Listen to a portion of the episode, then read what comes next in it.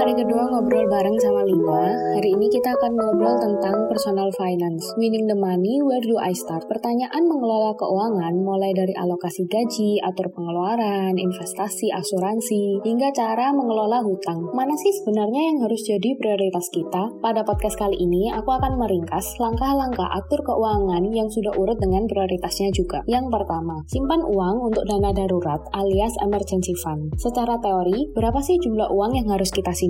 Untuk teman-teman yang masih hidup sendiri bisa sisihkan 3-6 bulan pengeluaran, sedangkan untuk teman-teman yang hidup berkeluarga bisa sisihkan 6-12 bulan dari pengeluaran. Untuk uangnya sendiri bisa disimpan di mana? Bisa kalian simpan di tabungan bank dan cari bunga yang paling tidak sama dengan inflasi yaitu kisaran 4-7%. Bunga ini tergantung dengan kondisi ekonomi ya teman-teman. Lalu yang kedua, kalau punya hutang maka fokus lunasi hutang yang bunganya tertinggi hingga bunga yang terendah dan juga fokus lunasi hutang-hutang yang bersifat konsumtif. Poin yang ketiga, dan ini ada tiga hal yang bisa dilakukan secara paralel, yaitu lunasi hutang dengan bunga kecil, yang biasanya itu bunganya sekitar sama dengan inflasi, itu masih hutang dengan bunga kecil, mulai berinvestasi dan beli asuransi. Tiga hal ini disarankan untuk dilakukan secara bersamaan, fungsinya agar kalian tidak kehilangan kesempatan dari compounding effect investasi, sehingga tujuan keuangan kalian bisa cepat tercapai. Sedangkan untuk bagian asuransi, kita beli itu untuk berjaga-jaga. Jadi jangan sampai waktu kita sakit, kita belum punya asuransi sehingga dana darurat kita itu harus terpotong karena digunakan untuk biaya berobat. Oleh karena itu, perlu baca baik-baik prospektus asuransi agar kita bisa beli asuransi yang sesuai dengan kebutuhan dan juga budget kita. Buat teman-teman yang saat ini ada di tahap sudah punya dana darurat dan juga tidak punya hutang, mulailah lihat-lihat produk investasi yang sesuai dengan profil risiko teman-teman, sehingga penundaan belanja di masa sekarang manfaatnya bisa teman-teman rasakan di masa yang akan mendatang untuk mencapai tujuan keuangan masing-masing. Buat yang mau download format financial check up dan kalkulator financial freedom bisa klik di bio Instagram aku ya, at